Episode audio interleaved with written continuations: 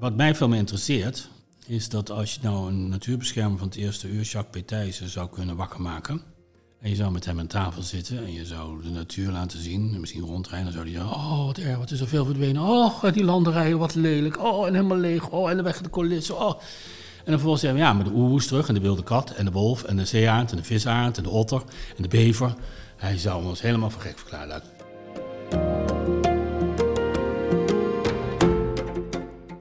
Hey, leuk dat je luistert naar Toekomst voor Natuur, aflevering 18. Onze cultuurlandschappen worden al heel lang intensief gebruikt door mensen. En in de afgelopen anderhalve decennia is er heel veel veranderd in onze cultuurlandschappen. Dus de vraag is wel gerechtvaardigd: welke toekomst hebben onze cultuurlandschappen nog? Ik ben Antoni Stip en in deze aflevering ga ik daarover in gesprek met niemand minder dan Jaap Dirkmaat. En Jaap is natuurbeschermer al heel erg lang en directeur van de Vereniging Nederlands Cultuurlandschap. Jaap, van harte welkom in Toekomst voor Natuur. Hoi. Ja, midden in het cultuurlandschap. Ja, ja, ik heb het gezien. We zitten uh, op, de, op de Wielenberg met uitzicht uh, ja, op, uh, op het cultuurlandschap inderdaad. Dat is heel mooi. Um, ja, voordat we de stand van onze cultuurlandschappen gaan bespreken, wil ik eerst even jou introduceren bij de luisteraars. Je bent, zei ik al, echt al decennia lang actief in de natuurbescherming in Nederland. Ik ben wel nieuwsgierig, hoe is natuur eigenlijk ooit op jouw pad gekomen? Ik denk, op het denk ik door mijn moeder. Die ging wel eens, heel zeldzaam, ze had veel kinderen, ging ze toch alleen op vakantie met mijn vader. En dan kwam ze altijd terug en had ze bloemetjes gedroogd tussen, in een boekje. En dat kreeg ik dan. En daar zaten klokjes bij, heel mooi blauw. En die waren, ondanks dat ze gedroogd waren, nog steeds heel erg blauw. En toen wilde ik ze in het echt zien. Dat kreeg je toen. Dus de eerste volgende keer dat we samen in Drenthe waren, liet ze ook zien. Maar ze stonden gasklokjes en... Uh, ja, zo van het een het andere. Maar in ieder geval die liefde voor de natuur, die kreeg ik met haar met een paplepel wel ingegeven. Had ik, ik een gewoon beestje wat ik mee naar huis nam, dat was welkom en dat moest kunnen. Ja. Ja. Dus op een gegeven moment werd ik ook in de buurt gewoon het opvangcentrum. Alles wat mensen kwijt wilden, werd bij ons gebracht. Kijk eens aan. Ja. En, uh, maar op een gegeven moment ging je er ook in werken in de, in de natuurbescherming. Hoe is dat ontstaan? Ja, eigenlijk wel uit boosheid. Want ik bedoel, als je als kind hoort dat iets beschermd is, dan denk je: oké, dat is dan geregeld. Dus die das die kwam daarvoor, had ik gehoord. Ik had nog nooit gezien, maar mensen zeiden: daar wonen dassen die zijn beschermd. Ik zei: oh. En dat gebied waar ze in wonen is ook beschermd. En toen hoorde ik dat er een snelweg doorheen uh, zou komen. En toen dacht ik, hoe kan dat dan? Want ze zijn toch beschermd?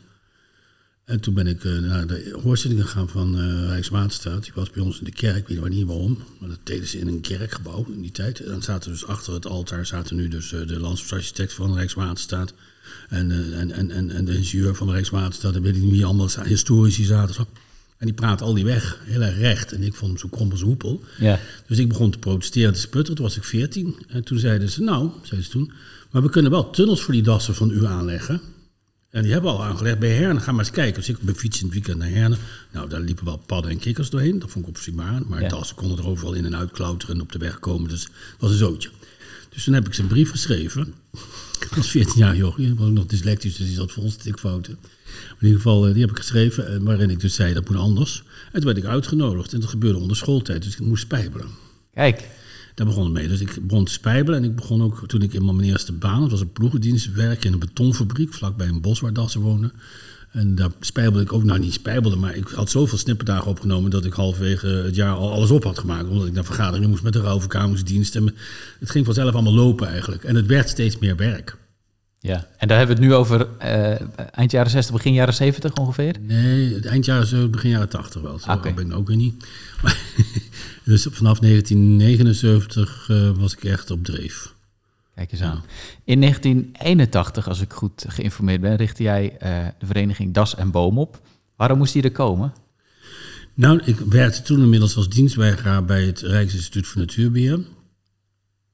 En dat had tot gevolg dat ik uh, daar twee jaar dienst moest doen. En, uh, en, en daar werkten mensen die zagen mijn enthousiasme voor die das. Die denken, dat gaan we een beetje begeleiden, want het is allemaal nog een jonge snuiter, die weet niet alles. Dus ik werd voorgesteld aan Kamerleden die vragen voor mij konden stellen in de Tweede Kamer. Ik Oh. werd uh, voorgesteld uh, in literatuur aan boeken. Dus uh, bijvoorbeeld hoe stel ik Kamervragen van Godfried Bomans kreeg ik van Sim Boekhuizen. Dat was niet mijn begeleider daar, maar die zat wel daar aan marterachtige te werken en hazen. En Sim Broekhuizen die zei ook op een gegeven moment... ja, misschien is het toch wel verstandig als je een stichting of een vereniging wordt. En een vereniging is eigenlijk beter, want dan heb je een achterban. Een stichting kunnen drie mensen zijn. Ja. En en, en dan, dan word je ook ontvankelijk verklaard bij rechtszaken en dat soort dingen. Nou ja, van het een kwam het ander. Er werd een vereniging opgericht met statuten en een inschrijving bij de Kamer van Koophandel. Allemaal vereisten nu nog. Ja. Als je als NGO ergens mee wil bemoeien, moet je die overleggen. Dus dat, zo is het gekomen eigenlijk. En toen heb je je jarenlang eh, met van alles en nog wat bemoeid. Ja. Ja, en, en, en toen was op een gegeven moment eh, was de vereniging Das en Boom was overbodig. Ja, wij hadden twee echte doelstellingen primair. De eerste doelstelling was toen, toen die das redden. Toen zei onze ledenvergadering, ja, maar nou de andere bedreigde dieren. Dat zei de Raad van State trouwens ook. Die belde ook een keer op naar vijver. Dat ze normaal nooit doen. Ja. Toen zei de jurisprudentie rond die das ligt zwaar onder vuur. En dat dier is niet zo'n zwaar gewicht meer in Europa dat je daar veel mee kan winnen. We stellen u voor toch een andere hoofdpersoon te kiezen. Oh, En toen zei ik, ja, welke dan? Nou, wat dacht u van eh, de, de veldhamster alias de koorwolf? Ik zei, oh, dan ga ik eens even nazoeken. Nou, die bleek streng beschermd en heel erg naar de knoppen te gaan. Dus Ja. ja, zo ging dat, ja. en Dus toen kwam er eh, op een gegeven moment... Hebben we dat verbreed naar alle bedreigde dieren? Want toen zeiden de slakkenmensen, ja, leuk al die aaibare soorten, maar je durft vast geen glibbers en glabbers eh, te doen. Ik zei, nou er een. Ja, de zeggenkorfslak. Nou, de dag erop zat ik bij ontbijttelevisie met Geert Buisje, waar zeggenkorfslakkenhuisjes in zaten. Ja, Zo het bijna niet keutel, twee millimeter. En, eh, en toen zeiden de padden en kikkermensen natuurlijk ook, ja, en die dan? Dus toen gingen we de knoflookpad en de rugstreeppad en allerlei eh, padden ook langs. En, eh, nou, en toen kwam al heel snel daarna het idee van, ja, het is allemaal technische maatregelen, poeletjes, hekketjes, eh, eh, tunneltjes, bruggetjes. Allemaal dingen maken ja, die technisch zijn, maar het landschap is gewoon naar de knoten. En als je dat landschap opknapt, dan kunnen er veel meer kikkers, padden, eh, koorwolven, nassen in leven. Hoeven ze helemaal niet al die wegen over als hun territorium een stuk kleiner kan in een rijker landschap.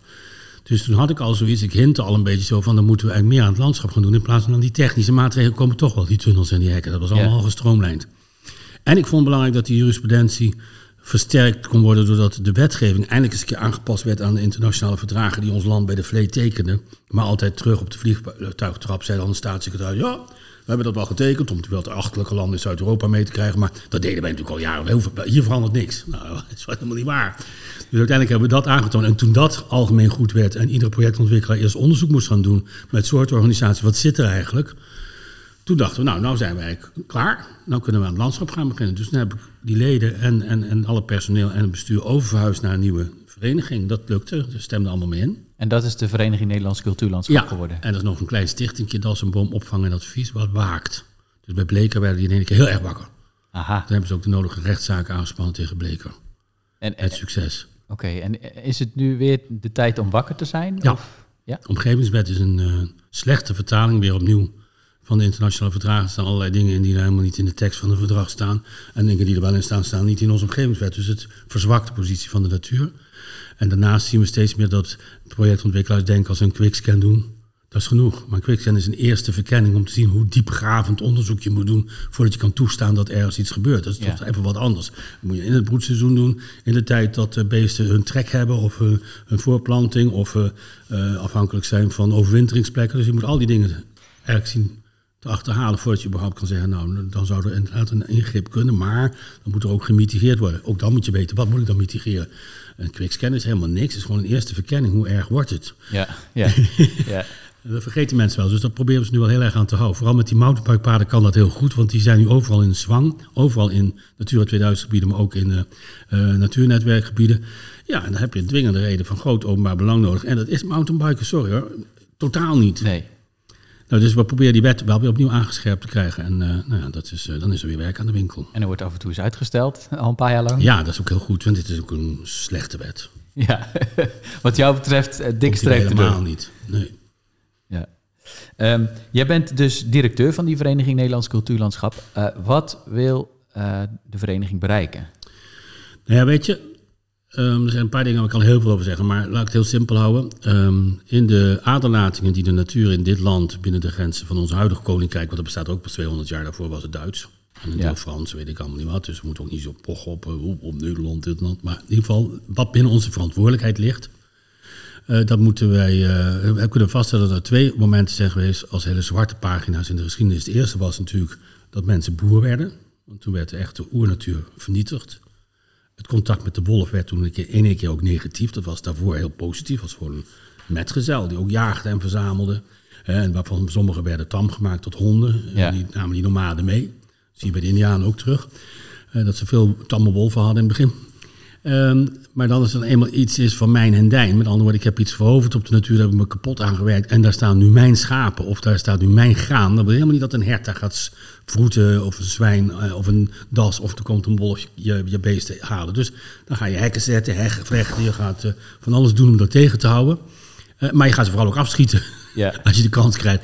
En dus dat zie je de, de scheefgroei. Maar ondanks dat, dus dat die echte grote beesten zoals oehoes en arenden en noem maar op, uit het veld verdwenen en beren, ehm, kwamen er wel heel veel dieren die bij dat cultuurlandschap, wat de mens daarvoor in de plaats bracht, van de resten van het oerbos maakten die heggen. Daar ging die echt niet voor naar de intratuin om die plantjes te kopen. Die haalde die gewoon uit het naar, naar buuroerwoud. Ja, tuurlijk. En die vlocht hij daar. En in die enorme lengte aan boszomen die ging ontstaan, daar had je dus wel veel meer vlinders, om maar wat te noemen. Veel meer insecten, veel meer zweefvliegjes, veel meer muizensoorten, veel meer eh, vogelsoorten. Juist in die overgangen. En als die boeren dus per ongeluk dat hele rijk gekeerde landschap tot vo- volledigheid hadden gemaakt rond 1900, zonder dat dat het vooropgezet doel was om diertjes te helpen, dat was een bijproduct, Ja. puur toeval, dan moeten wij toch wel ongelooflijk linkse handjes hebben. Twee. Dat wij niet in staat zijn in een tijd dat we zeggen die biodiversiteit te willen redden en het moeten samenvoegen met alle andere functies in het land, maar het cultuurlandschap veel beter zich verleent dan oernatuur, want dan heb je alleen maar natuur en alleen maar stad. In ons geval mag je ook wonen in het cultuurlandschap. Ja, dan, dan is het heel raar dat, wij dat, dat ons maar niet blijft. Dit lukt ons gewoon niet. Dus we hebben twee keer een aanleiding gehad. Eén keer toen het oernatuur verdween, toen het, daarna toen het cultuurlandschap door de ruilverkaling verdween. En dat zijn eh, de, de zwarte pagina's in onze geschiedenis geweest, waarbij daarna is eigenlijk niks goeds voor teruggekomen. Laat ik het dan maar heel eerlijk zeggen. Nee, en, en, en, en de vereniging die wil eigenlijk dat cultuurlandschap weer in ere herstellen. Ja, maar dan niet zoals het was ehm, in ere stellen, maar alle kenmerken die het heeft waar wij mee uit de voeten moeten kunnen in de toekomst. Als we bijvoorbeeld zeggen we willen kringlooplandbouw, of zeggen we willen erosie tegenhouden, of we willen CO2 binden, of fijn stoffilter uit de lucht. In al die gevallen is een landschap zoals het er vroeger uitzag, met kamerschermen van groen, eh coulissenlandschap, is op zijn plek. Ja. Dat het er anders uit gaat zien, dat snap ik wel. Want we hebben tegenwoordig machines en die hebben armen die uit gaan hangen. Dus je- bijvoorbeeld een doorsteek door een wal zal breder zijn. Ehm, een wal wordt misschien wel veel groter of hoger, omdat hij dan nog meer leven herbergt. Een combinatie van een wal met een sloot en een heg is nog rijker blijkt. Nou, misschien moeten we dat wel doen met een mooi wandelpad of een fietspad ertussen. Of een mountainbikepad. Als winst is, mag het daar. Ja, dan ga je niet door de bestaande natuur, maak je nieuwe natuur, dan mag je er ook, ja. Dat vind ik ook bij natuurbegraven. Ik ben tegen natuurbegraven in natuurgebieden, maar ik ben voor natuurbegraven in grafheuvels, midden in de maisvelden. Ja, zo. Dan voegen wij iets toe en die boer heeft vaste inkomstenbron. En de hele familie Jansen ligt in die grafheuvel. Nou, je nog meer? En je hebt zo'n eh, GPS-dingetje, daar kan je vinden waar je moet zijn. En dan zeg je, oh, oom Jan ligt daar. Ja, ze liggen er allemaal. ja, dat is wel leuk. Dat is leuk al. Of in een houtwal. Dan kan je houtwallen maken met... eh, mm. ik weet het wel, maar dan voeg je iets toe. Je moet meer dingen toevoegen. en Niet alles op het bestaande gooien. Want Dan moet dat er ook nog bij kunnen. En gaan we dat ook nog doen? En ik denk, nee, dat moet je helemaal niet willen. Nee.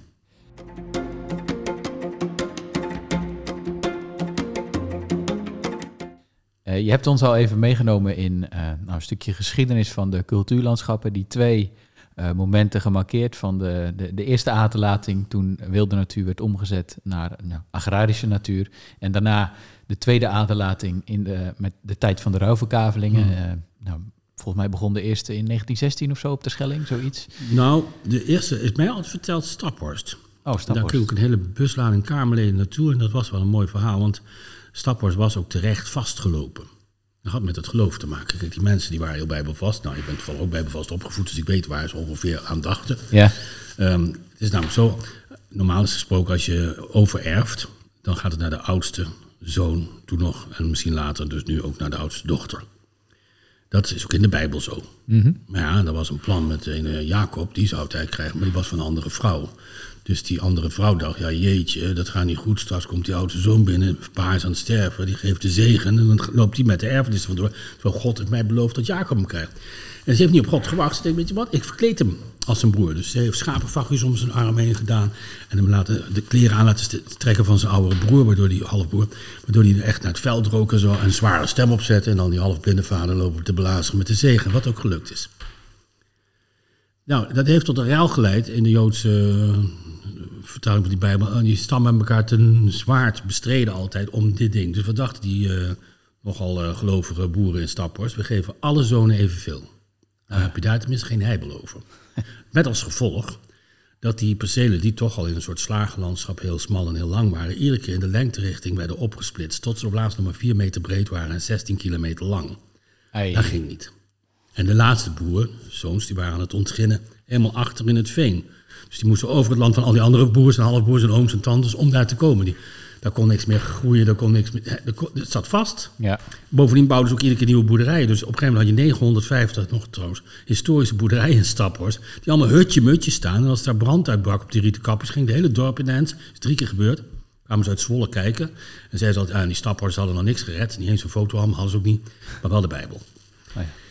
Nou, daar, daar, daar liep het vast. Dus die Kamerleden zeiden, ja, daar moet iets aan gebeuren. Toen hadden ze de rouwverkaveling in stemming gebracht met een nieuwe wet, de rouwverkavelingswet, met meeste stemmen gelden. En toen sto- stemde de boer van Staphorst tegen. Dat kwam omdat op de kansel de dominees hadden gezegd, de geboden staat, gij zult niet begeren uw naaste vrouw en uw naaste huis en al helemaal niet uw naaste land. En dat is precies wat de rouwverkaveling wil, dus we stemmen tegen. Weet je. Nou, we stemden tegen. Dus meteen na de oorlog, toen de draad weer werd opgepikt, toen hebben ze de rouwverkavelingswet meteen veranderd in niet meeste stemmen gelden, maar meeste grondgeld.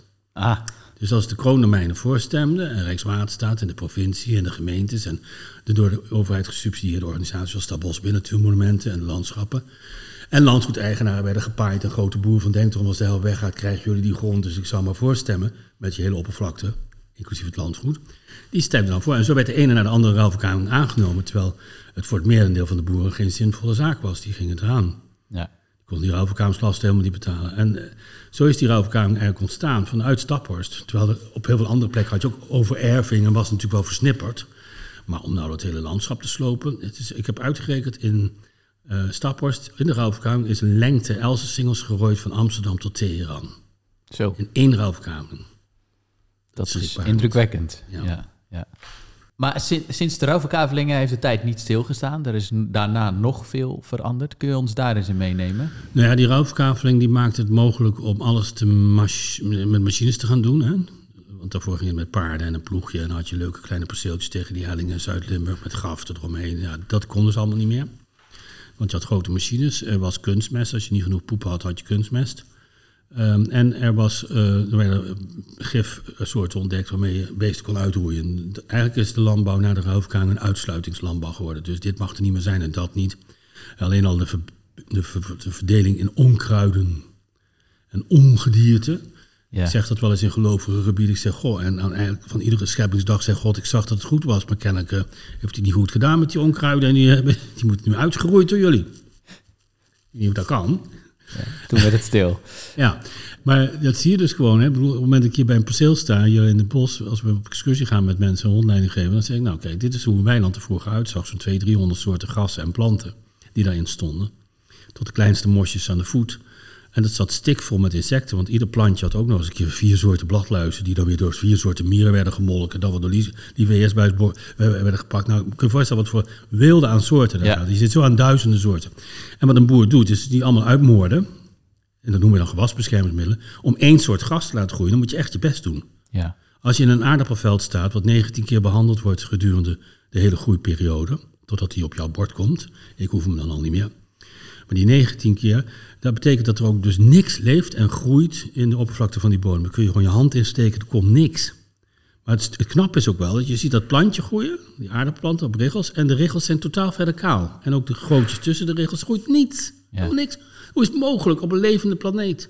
Ja, dat dat betekent is- dat je dus alles hebt uitgeroeid. Ik heb gezegd, dat mag er niet meer zijn. Want ik ben hier nu en ik wil dit. Ja, en dan ben je gutto's ook kwijt. En als je dan ziet wat voor prijzen er betaald worden voor de producten. Je ziet iedere keer al die stunts hè, van de supermarkt op de radio en televisie. Zeker wel, dat kan wel. En dan krijg je drie kippen voor ik weet niet wat. Ja, dat betekent, je kunt het allemaal wel doen. Je kunt ook wel een enorm exportland worden. Maar dan moet je de gutto's en de leeuwerik op je buik schrijven. Dan Ja. moet je zeggen, ja, dat zal er dus allemaal niet meer zijn. En de bodem zal degenereren op termijn. En inklinken. En het leven gaat eruit. En nou, ik vind nogal wat. Ja. Dus die weg is opengesteld eigenlijk in die rouwverkaling. Toen werden de landschappen klaargemaakt voor dit soort landbouw.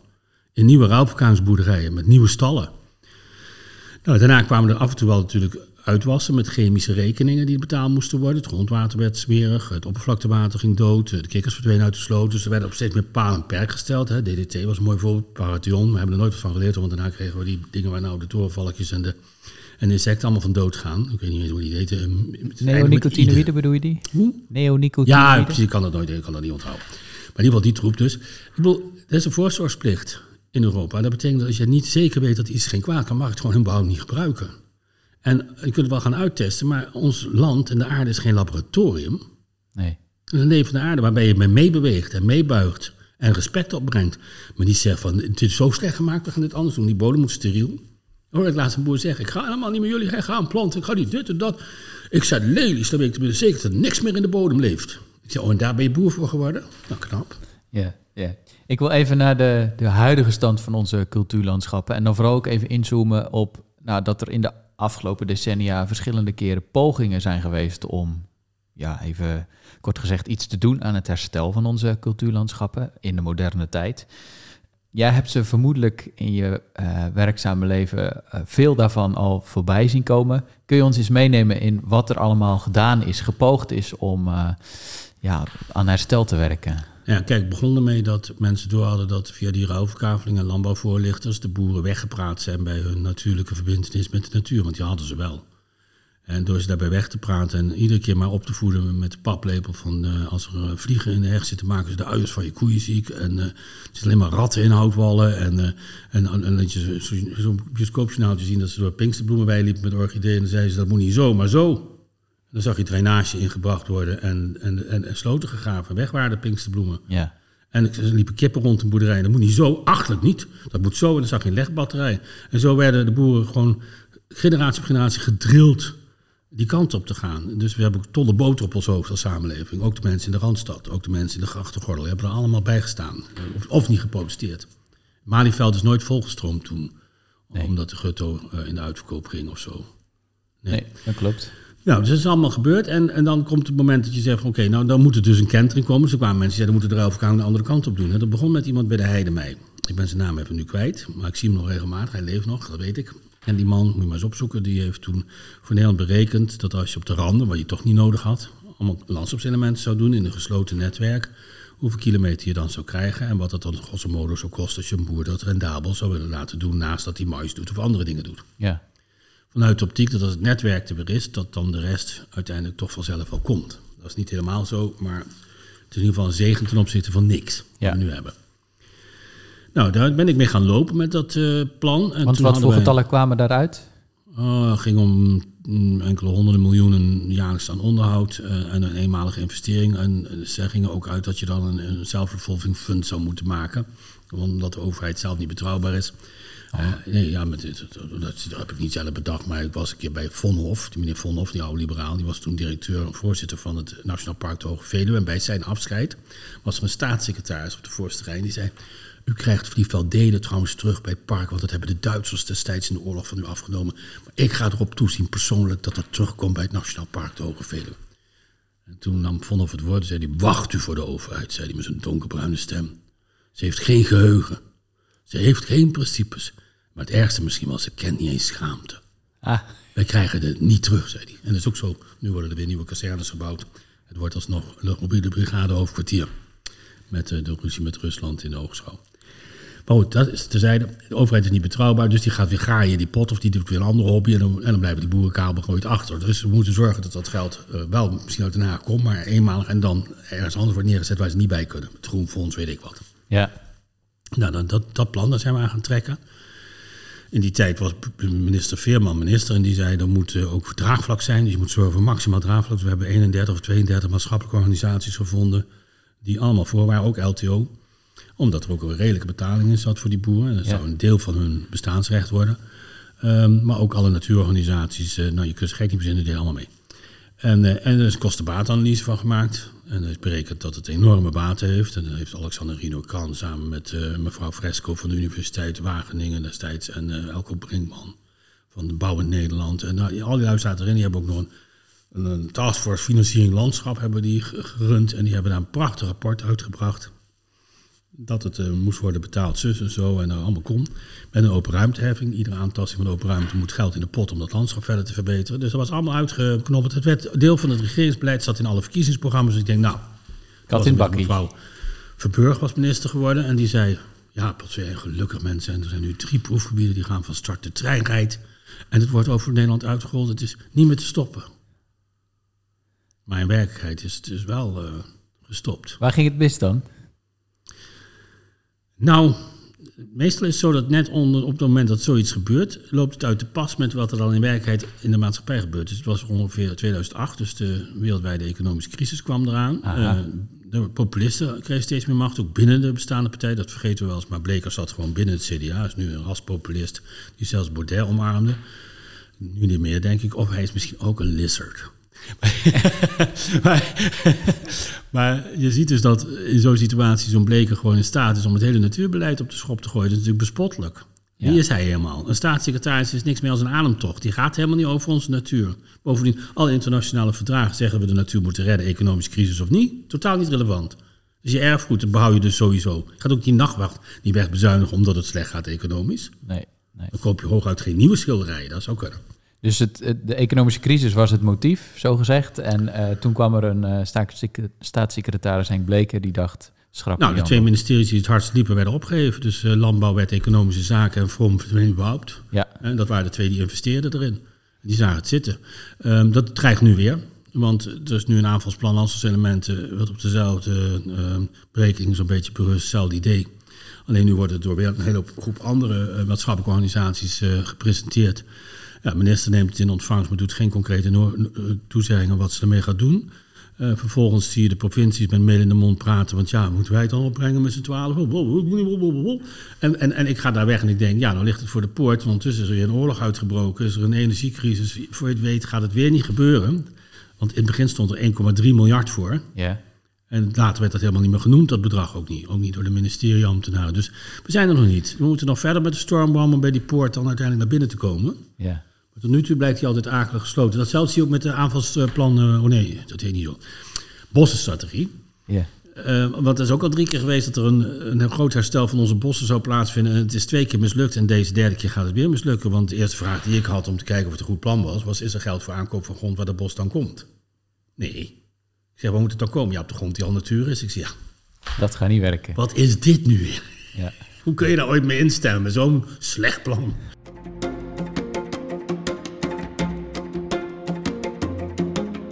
Ik ben ook wel even nieuwsgierig. Hoe kijk jij naar de, ja, de huidige maatschappelijke discussie uh, ja, rondom landbouw en natuur? Nou ja, weet je, die stikstof is niet alleen iets van de landbouw. Daar ben ik al die tijd van overtuigd geweest. Ook van het vliegverkeer en van Tata Steel en alle andere dingen. Dus zelfs als we die boeren zouden halveren, dan nog is er evenveel stikstof. Veel te veel in ieder geval. Dus ik zie iets heel anders. Ik zie gewoon dat die boer moet weer boeren met de natuur in plaats van tegen. En dat betekent dat biologische landbouw ook de enige optie is. Want je gaat geen chemicaliën gebruiken tegen beesten in de, in de vrije natuur. Je gaat ook geen dieren uitroeien. Ga je helemaal niet doen. Dat is dan dat voor onzin. Dan kun je het niet, niet verantwoorden dat je dieren uitroeit omdat jij iets anders wil. Maar nou, biologische landbouw is niet per definitie vrij van chemicaliën. Nou, daar zit alleen maar iets met koper en nog iets anders. Maar dan is ook weer een ander begrip van biologisch landbouw in Nederland dan in het buitenland. In het buitenland horen er ook landschapselementen bij, in Nederland helemaal niet. Dus als jij in Flevoland een biologische akkerbouwer ziet, zie je geen verschil met een niet-biologische akkerbouwer. Landschappelijk niet, Landschappelijk. qua niet. Ja, in de bodem waarschijnlijk. Dus biologisch landbouw is voor mij echt met de aarde samenwerken. Dat betekent als jij biologische plaagbestrijding wil van wezels, hermelijnen, bunzingen en dassen en vossen op de muizen. En de buis het centroorval, heb je echt houtwallen nodig, want die moeten eerst broeden en een hol gaven. En die gaan niet in een randje zitten van twee meter eh, langs een sloot. Nee. Met akkerplantjes. Dus je moet zorgen dat dat hele geladeerde landschap er komt. Dan heeft die landbouw ook een toekomst. Die landbouw die moet in eerste instantie produceren voor ons. We zijn hier een delta, dus we zullen sowieso al heel veel moeten importeren. Omdat je kunstmatig veel meer mensen hebt per vierkante kilometer dan elders. Daar moet ook helemaal niet zo moeilijk naar kijken. Want ik bedoel, wij zijn een delta in Europa, samen met Antwerpen. Zoals Hamburg dat uh, ook is. Hè? Ja. En, uh, maar wij hebben nog wat meer rivieren. Um, en, en, en dus dat kan zo zijn dat wij niet alles zelf kunnen produceren. Nee, dat niet. Maar we kunnen wel onze haven... Die anderen hebben die havens niet, hebben wij. Dus Oostenrijk heeft geen havens, Zwitserland heeft geen havens, die hebben wij. Nou, en dat is een deal. Binnen Europa moet dat gewoon oplosbaar zijn. Uh, maar de landbouw die we hebben moet samenwerken met de natuur en niet meer tegen de natuur, anders is het niet duurzaam. Ik bedoel, als jij uh, in het Groene Hart veenweidegebieden omploegt om mais neer te zetten, dan maak je de grond kapot. Klinkt in, is weg straks. Ja. Heb je kinderen geen grond meer, moet je dus niet doen. Nee. Er is ook een, uh, een, een, nieuwe term gemunt in de afgelopen tijd, landschapsgrond. Hoe kijk jij daarna? Nou ja, het wordt een beetje onoverzichtelijk zo langzamerhand. Hè. Je hebt collectieven, we hebben er zelf ook een, een agrarisch collectief. Het Delta Collectief. Ja. Ja, en vervolgens zie je dan dat er uh, daaroverheen een puntensysteem nu in één keer bedacht wordt. Dus je moet een x aantal punten hebben, dan heb je goud en dan krijg je een bedrag van hooguit tot de 300 euro hectare aan, uh, aan subsidie. Ja, dat is de eco-regeling Ja. binnen het gemeenschappelijk landbouwbeleid. Ja, en dan heb je nog land- landschapsgrond. En eigenlijk hebben we op al die punten niet genoeg geld. Dus ik ben voor ontschotting en dat toepassen wat je het beste kan toepassen. En al die benamingen ben ik niet zo van. En dat is eigenlijk hetzelfde als je hebt eh, proeftuinen en pilots en je hebt eh, living labs. Maar het blijft altijd beperkt tot één voorbeeld en daarna wordt het niet uitgerold. Terwijl het is toch juist een poging om te kijken. Toen Noach zijn duifje losliet en ik kwam eindelijk terug met een olijftakje, toen had hij zoiets van, hè, nou kunnen we van boord. Ja. Nou, onze overheid zegt, maar dat is niet voldoende, één takje. En we stuurt gewoon die duiven weer weg. En dat houden ze gewoon jaren vol. Ondertussen blijven ze allemaal aan boord. Terugkerend op die hele stikstofvraag. Ik heb laatst wel eh, gezegd hier eh, bij, bij het milieuoverleg... waar ook de boeren bij zitten hier in het dorp... van welke boeren hier eh, moeten dan weg? En toen zag ik wel dat heel veel organisaties zeiden... ja, eigenlijk eh, moeten we met eh, deze boeren juist verder... want eh, de anderen zijn veel erger. Maar ze moeten wel veranderen. Ik zeg, oké, maar nou we're talking. Dus als we nou samen gaan zitten hoe het moet veranderen en wat dat kost, dan kunnen we met dat verhaal kunnen we naar de gemeente, naar de provincie, naar het Rijk en zeggen van, kijk, dit zijn nou boeren, helemaal komt op aarde, ze willen anders. Ze willen, precies- en, en we zijn het samen over eens. ja. Zo'n overheid raakt in verlegenheid, want dan moeten ze zeggen, ja, maar daar hebben we geen geld voor over. En dat gaan ze niet zeggen. Tenminste, denk ik niet. Er is wel 25 miljard. Ja, precies. Maar dat, dat, dat betekent dus ook dat je dat goed moet besteden. En dat moet je besteden aan de toekomstige boeren. De boeren die met de aarde willen produceren, die duurzaam willen produceren. Die nou al dingen met landschap doen, dat zijn de beste. Die al niet eh, een varkensstal hebben met geen grond in, eh, in eh, de peel waar je hele lintbebouwing hebt. Hè? Alleen maar varkensstallen met van die silo's erbij. Vroegen ze laatst van Omroep Limburg. "Ah, maar bent u dan niet bang dat het hele landschap verpaupert als deze er niet meer zijn? Ik zeg, nou sorry hoor. Zeg, als dit allemaal weggaat, zal iedereen zeggen, goh, het is een stuk opgeknapt. Ja, ja, ja. Het is gewoon helemaal niet mooi. ja. En dan kun je tiny houses, geheugens aanleggen. Je kunt daar van alles gaan doen, waardoor het toch weer rendeert om, om, om dat landschap in stand te houden. Ik zeg maar, dat landschap wat ik hier zie is alleen maar waar mest wordt geproduceerd. En dat wordt bij ons in de polder uitgereden, waar al genoeg mest is. Tegen betaling, wat heel raar is. Je betaalt om je mest ergens te mogen dumpen. Dat is al een raar incentive. ja, zeker. Dus daar moet die mevrouw eh, van der Wal beginnen, dat weet ze ook. Dat zijn die 500 eh, piekbelasters. Die zijn goedkoper in uitkopen. Want je koopt alleen maar stallen met een beetje grond. Tuintje en zo, en een beetje erfplanting. En dat is altijd goedkoper als al die grote akkerbouwboeren of veeteeltboeren kopen met veel grond. Want het is 60.000, 70.000 euro per hectare. Nu wordt het één grote barbecue. En de stallen afbreken. is overzichtelijk. Dat is waar. Maar het is wel voor de mensen die het betreft eh, ook eh, niet altijd een leuk verhaal. Nee, maar die worden daar ook voor betaald. Bovendien, die hebben al die tijd iedere stap wel bewust gezet in hun sector. Hè? Ik bedoel, ik, ik had ooms die deden ook varkens.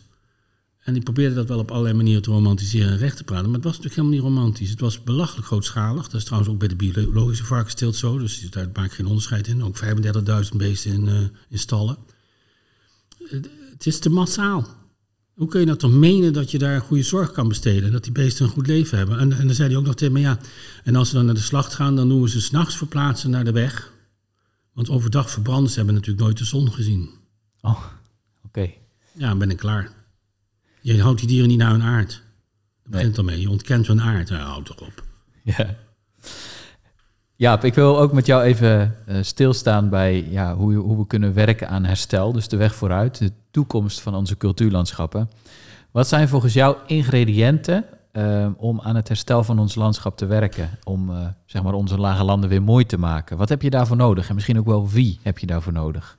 Het begint al met een deel trots en eigenwaarde. Die boeren moeten hun trots daar vandaan halen wat eeuwigheidswaarde heeft. Een landschap heeft dat, en geschiedenis heeft dat. En 35 varkens, of 1000 varkens in de stal niet. Dat niet. Dus hun trots en eigenwaarde halen uit het feit dat zij de groenman zijn. Zij de mensen, de beheerders van ons buitengebied. Die staan automatisch op een voetstuk. Maar dat moet je wel verdienen. Dus het begint ermee dat je moet zien dat het anders kan. Dat het geldt ook voor de mensen uit de stad. Want die riepen hier toen we de Ooipolder op gingen knappen, qua landschap. Meteen tegen al die organisaties hier in de buurt. Ja, maar het is toch al mooi? en nu zeggen ze, oh, het is toch wel mooi geworden. Maar je moet wel eh, niet meer genoeg nemen wat je hebt. Je moet zeggen van dat is een zesje of een vijf of een vier. En het moet beter. En Even uit de luie stoel nu. En even de beurs trekken voor sommigen. Ja, En dat betekent gewoon dat je dus ontevreden moet zijn met hoe het is. En zeer tevreden kan worden als het mooi wordt. En dat je daar dus trots en eigenwaarde vandaan haalt. Nou, dat begint hier nu te werken. Er zijn mensen uit de stad die bezoekers krijgen uit de Randstad en zeggen... We gaan uh, wandelen in de polder. Ja, maar uh, hoe gaan we dan heen? Ja, hier beneden, naar beneden hebben we een speciaal brug aangelegd... dat we er overheen kunnen over de weg, over het kanaal. En, uh, en dan komen we in de polder. En mag je dan zomaar tussen die landerijen doorlopen? Ja, en we kunnen dat pad kiezen, of dat pad kiezen, of dat pad. Kijk, en dit is wat er allemaal zit aan dieren en planten. Het is van boer uh, Pieters trouwens, ik noem verder geen namen nu. Het is van boer Pieters, die doet ooievaars, zwaluwen, maar hij heeft ook vleermuis. Vleermuis heeft hij, ja, maar die zit hier ook. En hij heeft ook kasten voor de stenen al opgehangen, want ja, die knotboompjes zijn voorlopig nog niet oud genoeg voor een steenal. Die moeten eerst rijpen. Ja. Nou, dat soort voorlichting staat er op die bordjes. En die mensen die voelen zich rijk. Die zeggen, ik kan iedere week ontdekken ik weer een ander pad. Geweldig, zeggen ze dan. Nou, dat is trots en eigenwaarde. Ja. Zijn er nog meer dingen nodig, behalve trots en eigenwaarde? Um, dat zijn wel de basisdingen. Want kijk, op het moment dat ik, uh, dat zeg ik wel eens voor de grap, maar dat is echt waar. Nederlanders zijn de enige mensen op, op aarde die van hun eigen land zeggen als het mooi is dat het in het buitenland moet liggen. oh, wat is hier mooi, het buitenland wel. En dat zou iemand in Nieuw-Zeeland nooit zeggen, en in Canada niet, en in Engeland niet, en zelfs in België niet. Van de Ardennen, oh, dat is toch wel mooi, uh, buitenlands mooi. Zelfs als de premier iets slims zegt, dan zeggen dat is een buitenlands, of ja, een, on-Nederlandse beslissing. Dus Nederlandse beslissingen zijn bijvoorbeeld niet zo goed. Er zit een soort minderwaardigheidscomplex. En dat zit hem ook daarin, dat zit diep. En ik merk wel, ja, ja Engeland, Engeland zeggen dan, maar ja, dat is ook veel minder dichtbevolkt. Jawel, dat is net zo dichtbevolkt als Nederland. En die hebben tien nationale parken. Als je Ierland, Schotland en Wales eraf haalt, wonen er net zoveel mensen per vierkante kilometer. Trouwens ook in Noord-Rijn-Westfalen, als in Nederland. Maar die hebben minder slappe knieën. Als je een bleker in Engeland zou hebben, die haalt de avond niet als hij voorstelt nationale parken op te heffen. is gewoon klaar. Nou ja, er is wel wat, wat gaande geloof ik in Engeland op dit moment. Ja, maar geen nationaal park opheffen. Dat kun je beter uit je hoofd houden. Ja, oké. Okay. Maar goed, Britten zijn wat dat betreft een eiland en voelen zich al eeuwenlang heel apart. Maar Duitsers hebben ook grotere nationaal parken als wij. Hier ben je bij ons ben je er in vijf minuten doorheen. Ja. 2500 hectare, en dat durven ze een nationaal park te noemen, de Hamer. Dan denk ik, ja... Ik liet het een keer aan mensen uit Schotland zien. En zeiden ze, oh, mooi, mooi. Zeg, zo, nou zijn we er weer doorheen. Huh? dat ben je niet, zeg je wel. Ja. ja. ja. Nou willen we het Nationaal Park een nieuwe stijl. We voelen zelf ook wel een beetje aan ons water dat het qua meten met onze buurlanden echt niet werkt. Maar dan nog wordt het niks. Ja, want er is geen geld.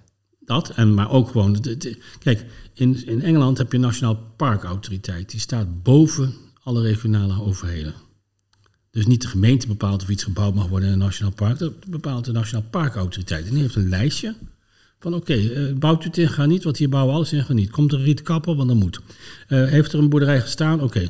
Okay. Uh, is het zichtbaar vanaf de openbare weg? Maar dat zijn simpele vragen. Ja. Want zo doen we dat hier niet. Het is een nationaal park namelijk. Buiten het nationaal park kunt u gang gaan, maar hier binnen zijn wij streng. Ja, okay. Dit moet er over 100 jaar nog net zo uitzien. Oké. Thuiskomgevoel noemen we dat. Ja, ja, ja, ja. ja dat is wel streng. Ja. Uh, en zijn er ook nog mensen of partijen die je daar speciaal voor nodig hebt, behalve grondeigenaren, denk ik? Um, wij vinden het heel belangrijk dat het allemaal ecologisch klopt, dus dat je dus onderzoek doet. En daaruit is bijvoorbeeld gebleken dat een koppeling van elementen, die je vroeger natuurlijk ook bij toeval ook kreeg, want als er ergens een wandelpad was en rechts zat een akkerbouw en dan zat daar een wal en links zat de schaaphouder, dan zat daar een heg. En dan had je dus een heg en een wal en dan kreeg je een microklimaat tussen met dat pad. Dat werd door geitjes begaasd en door mensen geknipt en gemaaid. Niets werd onbenut gelaten. Niets. Overal zonder geit aan een tui of weet wat. Dus alles werd maar verschaald, verschaald, verschaald, verschaald. Ja. Met als gevolg dat um, daar uh, veel meer leven in is dan in, in, alleen maar een heg. Dan blijkt een heg op een wal nog beter te zijn. hebben wij in Nederland nooit gehad, maar dat kunnen we wel doen. Ja. Nou, dus, dus je, je, je hebt mensen nodig die daar een onderzoek doen van hoe krijg je nou die soortenrijkdom zoveel mogelijk omhoog. Um, en mensen vragen, ja, maar waarom is dat dan heilig? Een mooi voorbeeld is, we hadden een enorme soortenrijkdom in walvissen op aarde. Die doen hele belangrijke dingen in de oceaan, weten we inmiddels, met hun poep. Uh, ook een CO2-binding. Uh, die hebben we tot de rand van uitsterven gejaagd. Eerst de makkelijke, die bleven drijven, toen uh, de rest ook. Dan hadden we harpoenen die de lucht in pompt, waardoor ze bleven drijven. En ik weet nog dat de laatste Nederlandse walvisvaarders zeiden ja. En toen kwamen nog twee blauwe vinnenvissen, waarschijnlijk een paardje wat aan het paren was tegen in de Atlantische Oceaan. Daar hebben we dus drie weken op gejaagd. En toen werden ze toch naar binnen getrokken. En ik was zo blij dat ik niet, geen dienst had die dacht dat die harpoens werden afgeschoten. Ja. Oh, dat is gedocumenteerd. dat het bijna afgelopen was, zeiden ze. Ja. En wat deed je het voor? Nou, waarom is het nou erg dat het gebeurd is? Want heel veel mensen zeggen, ja, de populaties nemen weer toe. Ja, godzijdank. Maar ze staan net als wij aan de vooravond van de grootste verandering in hun leven ooit. Want al het plankton gaat verhuizen op basis van golfstromen die gaan veranderen. Op basis van zuurtegratis uh, van de oceaan zullen de plekken onbewoonbaar worden. En als je daar met een klein groepje aan begint, dus de laatste Noordkapers zijn er nog 460 exemplaren, dan is de kans dat er een aantal het overleven nieuw. Maar als je er met 3 miljoen aan begint, zoals vroeger was, dan is de kans dat er genoeg overleven, omdat ze vind ik ergens het goede doen, is groot. Ja. Dus hoe zwakker je natuur en hoe minder individuen per soort je hebt, hoe kwetsbaarder je bent. En wat iedereen dan vergeet is dat die kwetsbaarheid is niet die ijsbeer. Want die ijsbeer bestaat pas, heb ik gehoord, 250.000 jaar sinds zijn land wit werd. Was het niet lonend om bruin te zijn. Hoe dat precies werkt, weet ik niet in de evolutie. Hij had geen spiegeltje met een perceel. Maar uiteindelijk is hij wit geworden. Zo kan je robben benaderen, maar ook beluga's, die trouwens zelf ook wit zijn. Die vist hij ook uit uh, het water als hij kan. En, uh, en jaagt dus op allerlei dingen. Maar ja, nu wordt de wereld weer bruin om hem heen. Dus het loont nou niet om wit te zijn. Nee. Maar er zijn genoeg bruine beren die gewoon met hem kunnen paren. Dus er komen, als het straks weer wit wordt, wel weer witte beren. Maar mensen zijn in alle opzichten totaal verzwakt en afhankelijk van de natuur. En kunnen ook door de natuur gevloerd worden. Kijk naar virussen. Ja. Dus de mens is gewoon de kwetsbaarste soort. En de wereld staat voor de grootste uitdaging ooit. En daar zitten die kwetsbare mensen in. Nou, uh, ga maar uitrekenen, dat gaan wij niet redden. Dus wij hebben totaal alleen maar eigen belang om nou onmiddellijk een halt toe te roepen. Doen we niet. We verschuilen ons achter een ijsbeer. Zoals we ons daarvoor altijd achter een pandabeer verscholen hebben. Die was evolutionair gewoon aan zijn eind. Ja. Het gaat er uiteindelijk om dat wij uh, moeten overleven. Dat is voor onze soort wel uh, van Het belang. is legitiem, dat kun je in de natuur zien, dat je voor je eigen soort opkomt. Ja. En dat je dat overleven voorop zet. En dat Ja. is niet door de aarde nog verder te kleineren of nog meer gif te gebruiken. Dat kan alleen maar als we ons gaan schikken in het lot wat we al die tijd niet hadden moeten ontlopen. Namelijk dat wij een deel zijn van deze aarde.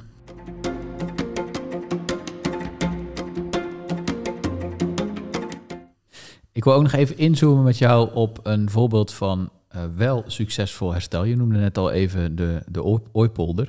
Je hebt daar een actieve rol in gespeeld. Wat heb je gedaan? Nou, we begonnen mee dat wij dat deltaplan voor het landschap hadden bedacht. En toen zei de minister, dan wil ik dat de proef op de zon nemen. Dus ik wil eh, eh, vier proefgebieden uitzoeken. En dus ik laat iedereen die maar een plan heeft inschrijven. Dus het eerste wat we gedaan hebben is alle lokale clubs hier in de regio opgestookt van die een plan in. Want ik zit in de jury. Oh, kijk. En eh, Toch geen vriendjespolitiek, hè? Nou, en, eh, nou, ik wou gewoon ergens een statement neerzetten dat het echt kon lukken ook. Dus ik denk, nou, dat kan het dichtste bij huis natuurlijk het beste, want dan kan je er zelf ook een beetje controle over houden. Hè? Zo is het gewoon. Bovendien, er moest geld bij, anders gaat het niet gebeuren. En daar hadden wij wel als landelijk werkende organisatie een kans toe, want wij zijn vaste beneficiënt van de postcoloterij. Dus we hebben daar specifiek voor alle actoren die eventueel niet zouden meewerken in het plan, vervangend geld gevraagd aan de postcoloterij dat wij die konden naspelen. Dus het bedrijfsleven, als dat af zou haken, onbetrouwbaar, zouden wij het bedrijfsleven kunnen naspelen, waardoor het project toch door kon Oké. om maar eens iets te noemen. Ja. En de extra dingen konden wij daaruit betalen, bruggetjes, eh, leuke dingen. En dus er is toen eh, eh, een, een miljoen weggehaald bij de provincie Gelderland, een miljoen weggehaald bij de provincie Noord-Brabant trouwens ook, hebben we het voor de Brabants proefgebied. We zijn vooral gaan lobbyen, via de commissaris van de Koning, die was hier erg geporteerd van het plan. Eh, geld bij de postcoloterij, 1,6 miljoen. Geld bij het ministerie van Landbouw om een bureau van lokale eh, natuurorganisaties te betalen. Dat zij eh, zeg maar, een bureautje hadden waar de boeren door benaderd zouden worden. Ja. Ehm, dus al die bedragen zijn toegekomen. Eh, Toen hebben we ook gezegd waar ieder proefgebied zich aan moest houden. Namelijk dat ze 500 aan ingesloten hectares moesten doen. In een gesloten netwerk. Dus niet daar een snipper en daar een snipper. En dat je nog niet ziet wat de bedoeling is. En, eh, en het evalueren op al die punten. En het moest voor een kwart gekoppeld worden aan fietspaden, wandelpaden, zachte routes, ruitenpaden. Dus dat was de norm voor alle proefgebieden. En toen is er een keuze gemaakt. Oh ja, en, en we hadden het bedrijfsleven ook. Dus via Royal Haskoning, ik de directeur goed van ken, of CEO heet zo iemand. En eh, we hadden DAR, dat is de vuilophaaldienst hier in Nijmegen, hadden we ook voor elkaar. En, en de wethouder trouwens, die ik ook goed ken, want die had hier gewerkt. hadden we dus geld op tafel gekregen, ook van de lokale gemeentes. eh 7 ton van de gemeente Nijmegen. En, eh, en, en het bedrijfsleven ging een streekrekening beginnen. Dat was toen nog heel succesvol, omdat er nog rente door banken werd betaald. Aha. Dus wat ze deden was een batig saldo op een rekening zetten. Dat noemden we de streekrekening. En een deel van die rente ging automatisch naar het landschap. was hier ieder jaar 70, 60.000 euro, zoiets. Dus ja, dan het was geen tekort aan geld, kan ik je vertellen. Nee. En toen ging het eigenlijk heel snel. Want ja, de lokale clubs kenden de boeren. En de boeren die zeiden van, nou ja, als je dus... eh, want het was voor het eerst dat er gebeurde... dat de bestaande elementen die ze al hadden, die werd in één keer vergoed. Ja. En de grond eronder ook nog eens een keer. Nou, toen zeiden we willen wel meer elementen. Ja. Nou, dat willen wij ook, want we moeten door daar naartoe en daar moet nog een verbinding komen. En zo is er dus 45 kilometer landselementen in vijf jaar tijd uit de grond gestampt. Waarvan meer dan de helft uit Hagen, singles en, eh, en echt de harde ar- opgaande elementen goed zichtbaar. Ja, dat is nog nooit vertoond. Dus wij noemen het met recht het grootste landschapsherstelplan ooit in de menselijke geschiedenis, of in de Nederlandse geschiedenis. Hè? Ja. Daar de Rauwvulkaan, dus de andere kant op. En in vijf jaar, terwijl de Rauwvulkaan deed er 25 jaar over. En, en wanneer was dat? Waren die vijf jaar klaar? 2009, denk ik. Oké. Zoiets. En het leuke was dat ehm, wij hadden nog een deel van het geld van de postloterij in de voorzienigheid op een bankrekening gezet voor een rente van 4% Kijk, in 2008. kom er maar eens om. Ja, dus- dus dat is weer 1,6 miljoen over eh 20 jaar. En dan kunnen we opnieuw contract aan die boeren aanbieden. Dat is slim. Ja. Dan ben ik er zelf waarschijnlijk niet meer, maar dat is wel een gerustgevend idee. Ja. De meeste van die boeren zijn dan ook niet meer, dus Nee, maar goed. Het, gaat- kinderen het is- wel. Ik wou net zeggen, het gaat over de lange adem, toch? Ja. ja, ja. ja. Als het over het cultuurlandschap eh, anno 2022 gaat, dan eh, komt onvermijdelijk ook de wolf om de hoek kijken. Eh, we hadden het al eh, eerder in deze aflevering kort erover. Ehm, ik ben wel benieuwd hoe jij kijkt naar de ontwikkeling van het, eh, ja, het, het oprukken van de wolf. Ja, ik kijk er toch eh, met meer leedwezen naar, denk dan de meeste mensen. Omdat, ik, dat heb ik net ook al verteld, dat hij ooit een partner was van de Ja. mens toen die jager samen was. Want toen konden we in hem onszelf herkennen als spiegel. Daarna werd het gewoon een rover. En dat werd ook in alle sprookjes lelijk. Er is geen enkel lief sprookje over wolven. Nee. Wel bij Indianen, maar dit zijn jagers en verzamelaars. Dus op het moment dat de cultuur werd, was de, oorlog definitief, een oorlogsverklaring. En dat hebben wij stug volgehouden. Dus in 2000, of nee, 1989 of zoiets is de laatste wolf in Nederland gevangen. Daar deden duizenden mensen aan mee. Die trok als een cordon met fakkels en ratelaars eh, elkaar schouders wat in elkaar gaten houden. Door de pil tot ze een soort lus hadden. En daarbinnen waren de jagers en toen was het klaar. Dat waren de laatste. En dat is nu nog veel erger. Want nu zijn er geen 7 miljoen mensen die er waren toen in de wolf de laatste deur dicht deed. Nu zijn het er 17 miljoen met de Ja. dikste wegen net op aarde en een kapotte natuur. Want eh, ondanks dat er hele rare dingen gebeuren natuurlijk, wil ik straks nog wel op terugkomen, waar de wolf er één van is, gaat het eh, over de grote linie helemaal niet goed. Niet met het bodemleven, niet met de vertering van de bladeren, omdat schimmels uit de bossen verdwenen zijn. Niet met de vlinders, niet met de insecten. Er zijn uitzonderingen, maar over de hele linie, dat lezen we ook iedere keer in de ruimtelijk planbureaus, ehm, onderzoeksrapporten, het gaat bergafwaarts. En in die tijd komt die wolf terug. En dat die wolf terugkomt heeft niets te maken met dat wij natuur ontwikkeld zouden hebben of iets hebben gedaan. Die wolf die komt terug omdat het ijzeren gordijn weg is. Dat was een onneembare vesting voor nadenkende mensen zelfs. Laat staan voor een dier die niet wist van zelfrichtende mitrailleurs, schrikdraad en, eh, en mijnen. dus er kwam geen wolf en geen beer doorheen. Dus toen dat eindelijk weg was, konden ze. Ja. En kwamen ze dus in een Duitsland, wat ook niet meer het Duitsland was waar ze ooit uit verdreven zijn. Maar daar is in ieder geval nog in oostelijke richting bij eh, Berlijn zijn grote boswachterijen, grote stuwmeren met de, en, en, en ei- glaciale meren met hele mooie bossen eromheen. Dus daar kon hij zich redelijk redden. En natuurlijk was voor de Duitsers eh, met een groot land en veel voorliefde voor sprookjes in het begin moi, moi, moi, niet zoveel tegenstand. En die wolven die deden het goed, ook in eh Voorpommern. En, eh, en die kregen jongen. En die jongen die trokken langzaam naar het drukkere westen van Duitsland. En omdat iedere generatie weer opgroeit op die plek, denken ze op een gegeven moment dat het zo hoort. Dus je hoort in een druk bijvoorbeeld gebied te kunnen voortplanten met veel herrie en stank van diesel en zo. Ja. Want daar ben je bij geboorte bekend mee. Ja. En dan komen ze als laatste bij het Roergebied en in het drukke door het Rijn-Westfalische gebied. En dan is Nederland een peulenschil. Dat is één groot Roergebied.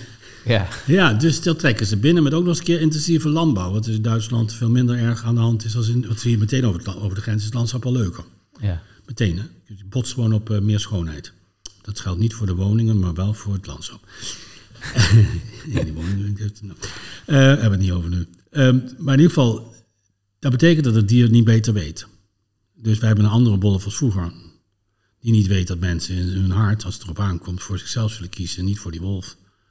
En dat gaat dus nu gebeuren. Dus sommige mensen gaan met gif aan de haal, anderen die gaan ze stiekem doodschieten, de meesten gaan ze gewoon gratis doodrijden. En dat gaat zo eeuwen door. Eeuwen noem jij dat zelfs. Nou, ze zullen blijven komen tenzij we ze uitroeien. ja, oké. Ja. En ze gaan niet aarden. Als aarde is het op een paar plekjes zoals op de Veluwe. Met als gevolg dat dat nooit levensvatbaar is. Want iedereen weet dat je zo'n 200, 300 reproducerende vrouwtjes nodig hebt.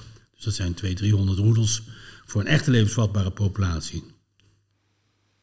Maar bij de gratie van de toevoer, die voldoende zal zijn, alle surplus komt deze kant op, zullen we toch altijd nog een genetische uitwisseling hebben tijdig. Maar het is natuurlijk ook op de Veluwe verschrikkelijk, met al die hekken die er staan, al die, er liggen drie, drie snelwegen doorheen, er liggen twee spoorbanen doorheen en dan ligt er tot overmaat van ramp ook nog een heel cordon aan steden omheen, 36 stuks. Uh, steden en dorpen die allemaal uit willen breiden. En de provincie wil alle recreatievoorzieningen naar de randen verplaatsen, waardoor het gewoon aan alle kanten dichtgemetseld wordt. Probeer de Veluwe straks nog maar eens op te komen. Ja, dat wordt een hele kunst. Ja, en, Althans, en dat zie ik een, dus wolf allemaal zal, voor me. een wolf zal wel ook door bebouwd gebied lopen. Dat doen ze nu ook al. Dus Ja, maar dan is dus gelijk het probleem daar. ja, ja. Dus jij bent iets minder eh, in juichstemming dan, eh, dan sommige andere Ik mensen. ben totaal niet in de juiste stemming. Ik vind ook een, een beetje, hoe zeg je dat, blind. Niet eens arrogant, dat wij daar blij om zijn. Want ik bedoel, we verdienen het helemaal niet. Totaal niet. En het beest eet nu schapen. Niet omdat hij ze lekker vindt, moet je zelfs eens proberen. Moet je dus door die vieze, vette, stinkende wol heen. Zelfs aan de onderkant is dan wel wat dunner. Maar, en, dan moet je dus hopen dat hij net geschoren is. Dan gaat het wel makkelijker. Dan stinkt hij ook nog niet zo erg. En dan ga je dat beest opeten. Maar ja, mensen houden ook niet van lamsvlees soms. Omdat lamsvlees smaakt anders dan ree, kan ik je vertellen. Maar die reeën, die melden zich niet spontaan aan. En de eerste wolven komen altijd alleen. Dus die zijn niet in staat om met z'n zes, zeven even een reeklem te lopen... en dan naar de grond te trekken of een hert. Dus zo'n schaap gaat wel. Ja, die staat er een beetje dom. Bleh. Ja, nu pakt hij kalfjes en koeien, ook dom. Maar koeien moet je al helemaal in Nederland niet doen. Dat weet je dus inmiddels, behalve als je Lubach volgt. Dat je opgeruimd staat netjes. Ehm, dus dat gaat constant eh, ruil geven. En op een gegeven moment winnen de populisten, natuurlijk. Wat mij veel meer interesseert, dus zo kijk ik er wel naar, is dat als je nou een natuurbeschermer van het eerste uur, Jacques Pétijsen, zou kunnen wakker maken. En je zou met hem aan tafel zitten en je zou de natuur laten zien. En misschien rondrijden, dan zou hij zeggen, oh wat erg, wat is er veel verdwenen. Oh, die landerijen, wat lelijk. Oh, en helemaal leeg. Oh, en de weg de coulissen. Oh. En dan vervolgens zeggen we, ja, maar de oehoes terug en de wilde kat en de wolf en de zeearend en de visaarend en de otter en de bever. Hij zou ons helemaal voor gek verklaren. Dat kan niet. Want er zijn allemaal, en, en er zijn nog nooit zoveel zeehonden geweest. zijn wel de verkeerde, de Engelse zullen we zeggen. De, de grijze zeehond is als uh, dominant nu, hè. En bruinvissen, 70.000 in de Noordzee. Wat zeg je? Ja. Oh. Dat zou je niet snappen. En ik snap het soms ook niet. Want dan denk ik, uh, waarom lukt een geelbuik vuurpad of een vuursalamander of een eikelmuis niet meer? En die otter, verdorie, die loopt dwars door Leeuwarden en door Groningen te stappen alsof het niks is, weet je? Gewoon dwars door de stad. Ja, nou ja, blijkbaar zijn bepaalde soorten uh, beter in staat om, om mee te bewegen zeg maar, met de ontwikkeling in onze landschappen dan andere soorten. Ja, maar als je zegt zeehonden die... Ik bedoel, ik ben laatst bij Vlieland op zo'n zeehonden-excursie mee geweest. Nou, je lacht je rot, die hele zee beweegt van de zeehonden, man. Die hele plaat ligt vol.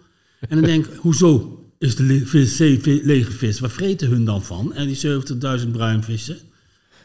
Waar eten die dan van? En die bultruggen die steeds vaker hier in de oceaan of in de Noordzee komen, en die zijn dan gewoon niet, niet, niet uh, de weg kwijt. Die zijn aan het kijken, aan het verkennen. Ja, ja. ja. ze zullen geen aardappeltjes eten, denk nee. ik. Nee. En wat eten die oeh, sinds hemelsnaam? Nou, konijnen niet meer, want die zijn er niet meer. Dus wat eten die dan? Ratten? Nou, grote oh, bosmuizen dus... rukken erg op, dus uh, misschien die wel. Grote bosmuizen rukken erg op. Ja, maar ik weet dat als oeh, een beetje oeh man, dat die bosveld daar tevreden mee is. Maar oeh, wat moet hij nou eten?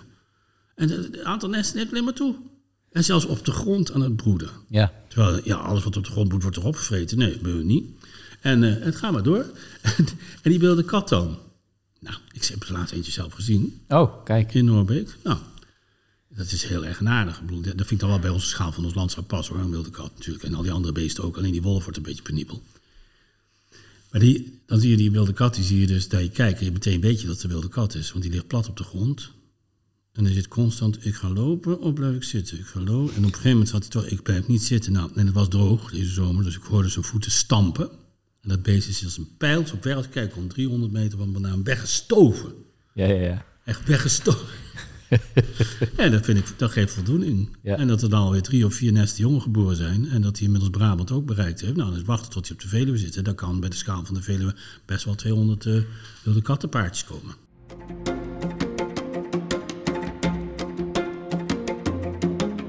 Ja, dus uh, dat zijn interessante ontwikkelingen in deze tijd. Ik wil uh, met jou naar het laatste onderwerp van deze podcast en dat is de toekomst. Ik vraag al mijn gasten of ze een leestip hebben. Heb jij een leestip? Ja, dat heb ik dus. Uh, dat is een Arthur-legende, maar dat is van Terence H. Stond H. White. En dat is mooi vertaald ook, de Arthur-legende. Koning voor eens en altijd. En ik heb gekozen omdat er zitten twee hele grappige dingen in. Eén is dat Merlijn de tegenovergestelde tijdreis, dus die wordt steeds jonger en Arthur wordt steeds ouder. Dan zou je denken, kun je elkaar maar één seconde zien, want dan kruis je elkaar en daarna kan het, maar in het boek kan dat wel. Maar dat is niet zo relevant. Op een gegeven moment moet Arthur dus voorbereid worden op het koningschap en dat doet Merlijn. En Merlijn die verandert hem dan in een aantal dieren, nacht na nacht. En dan moet hij dus uh, met een opdracht weg.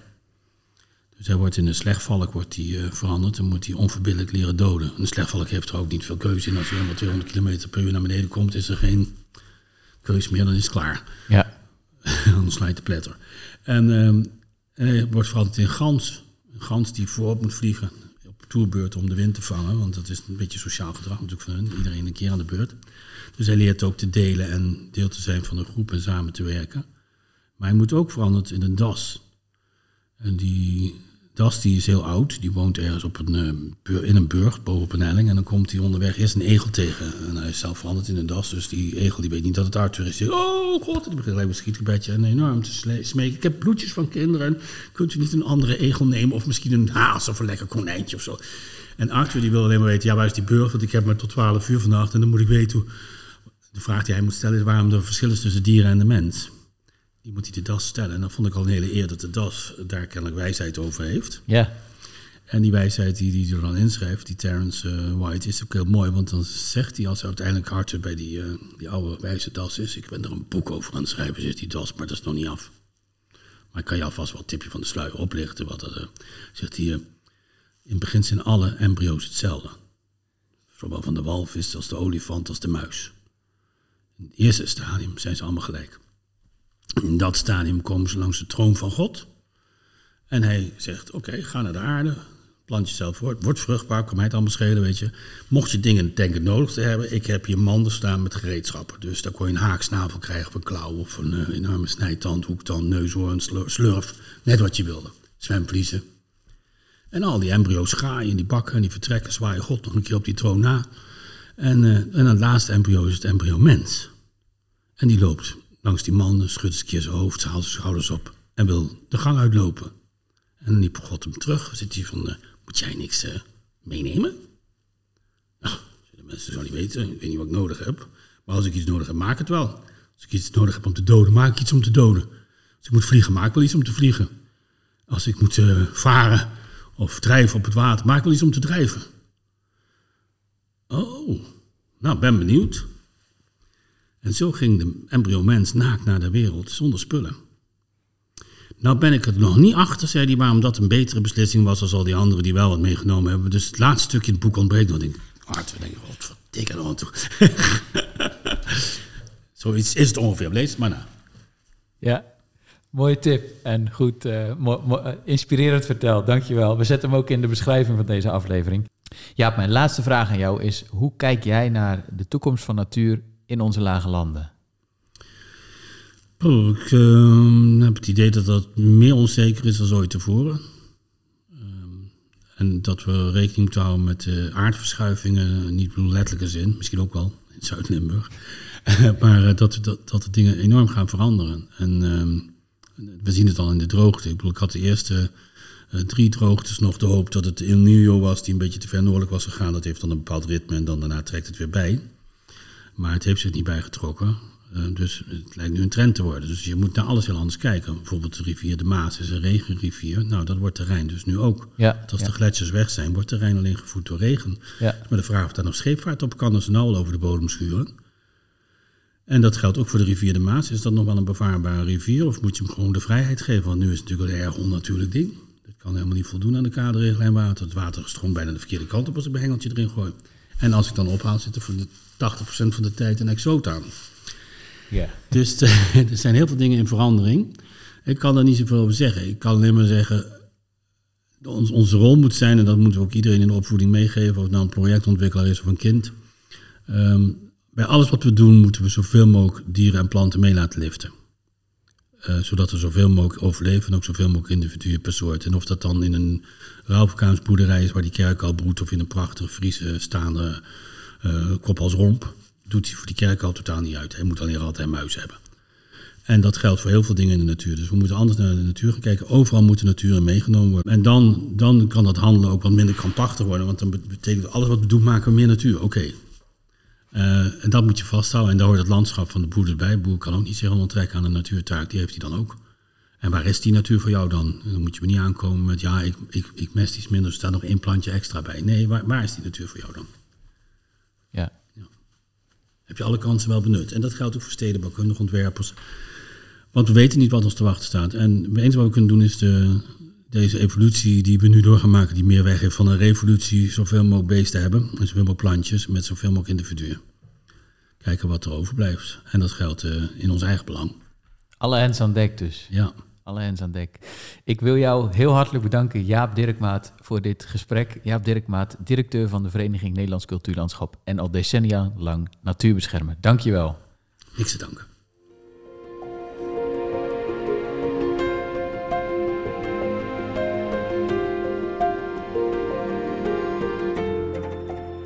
Zo, dit was aflevering 18 van Toekomst voor Natuur.